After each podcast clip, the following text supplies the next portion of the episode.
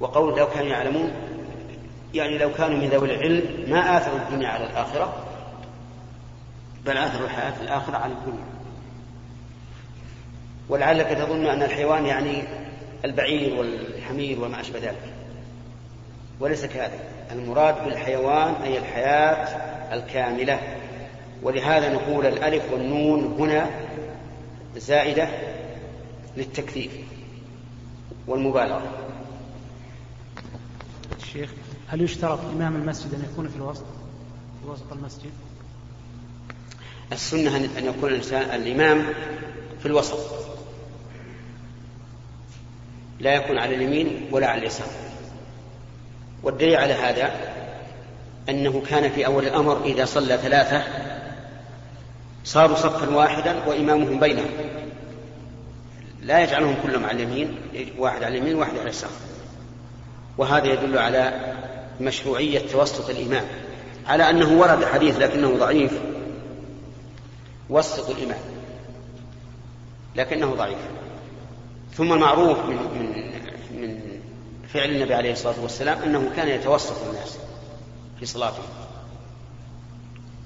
ولهذا قال بعض أهل العلم قولا سديدا أنه إذا ترجح أحد جانبين من الصف وصار بعيدا من الإمام فالأولى أن يكون الإنسان في الجانب الآخر. يعني مثلا لو أن الناس صفوا مع اليمين مع يمين الصف وكثروا. نقول لا الأفضل آه، تأتون اليسار أولا لأنه أقرب من الإمام والثاني لأنه أقرب إلى توسط الإمام. نعم إذا رآه خالف يطلب ذلك.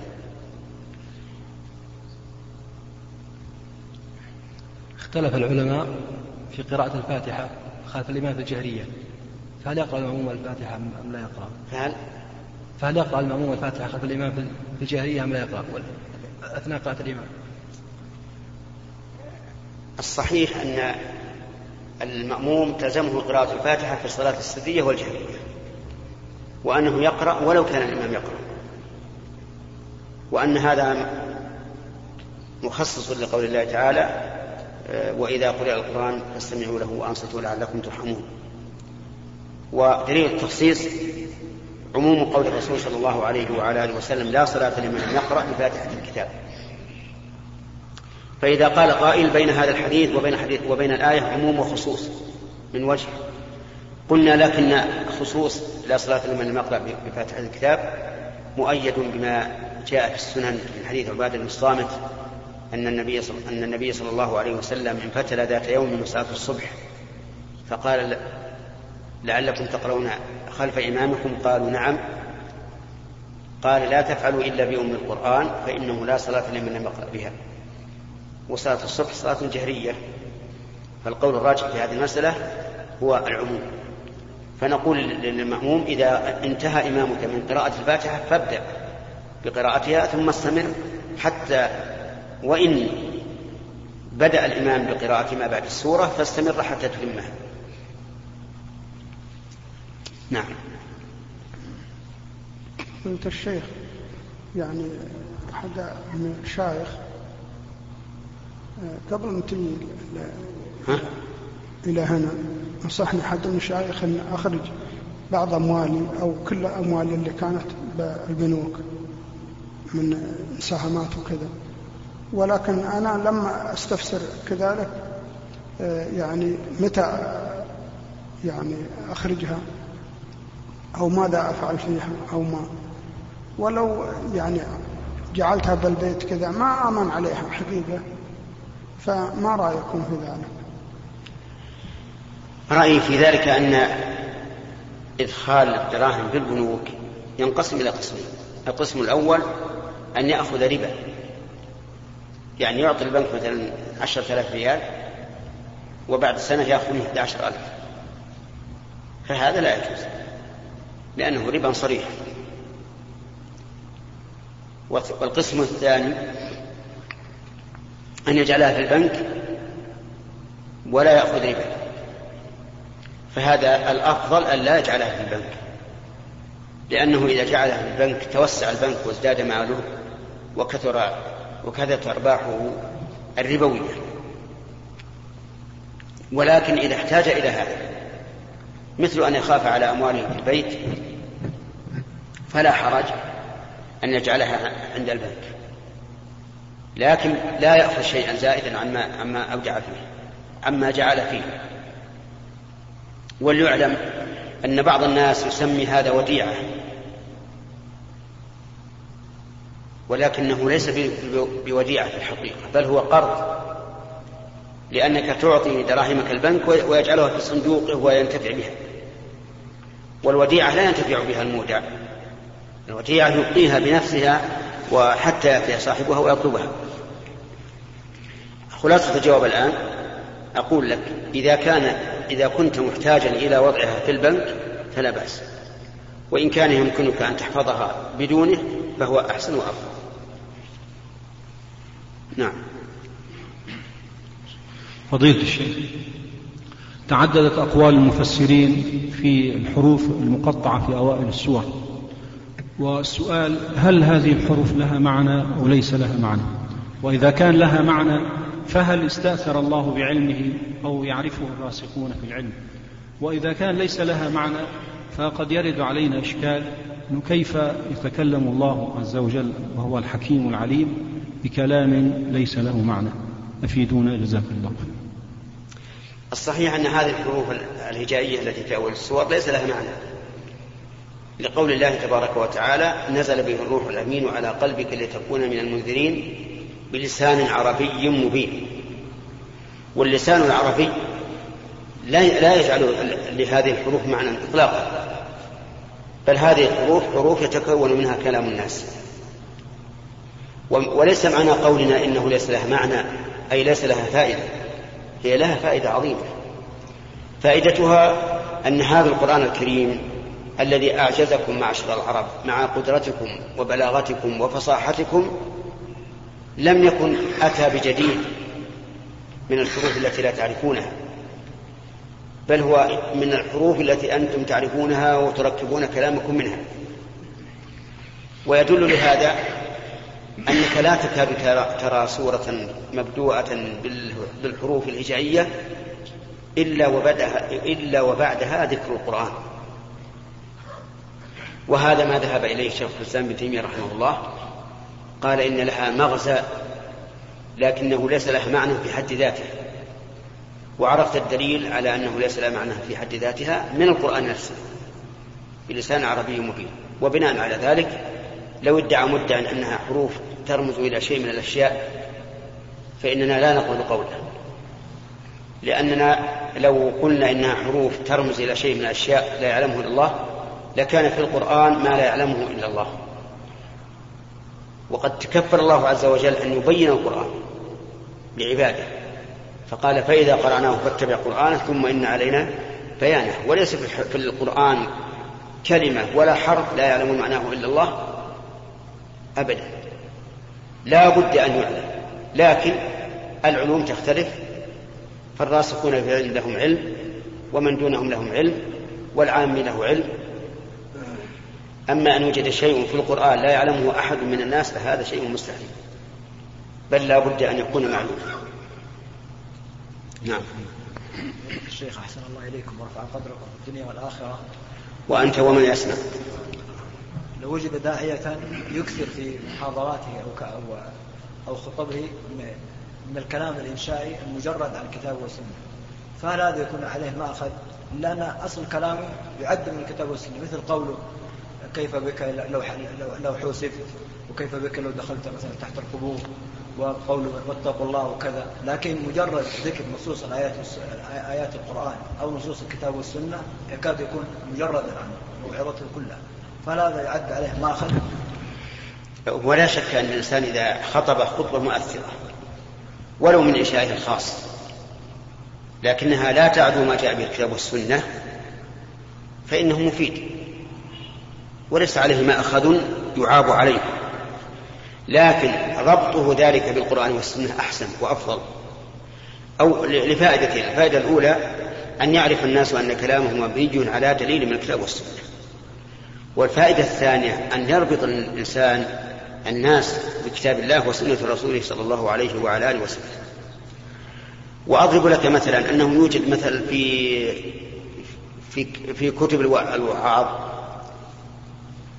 كلمات تؤثر ويبكي الإنسان منها ويخشى قلبه كما يوجد في في, التبصرة لابن الجوزي رحمه الله وغير وغيرها. وإذا قرئ عليه القرآن في هذا المعنى نفسه لم يتأثر تأثره بكلام هذا الكاتب.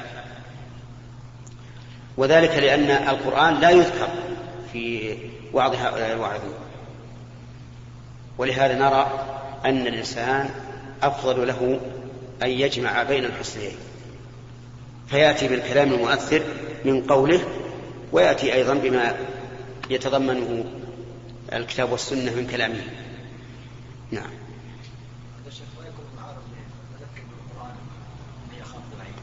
لا هو ما دام أتى بمعناه فهو ليس بعيدا عنه لكن كونه يأتي بالمعنى واللفظ أحسن.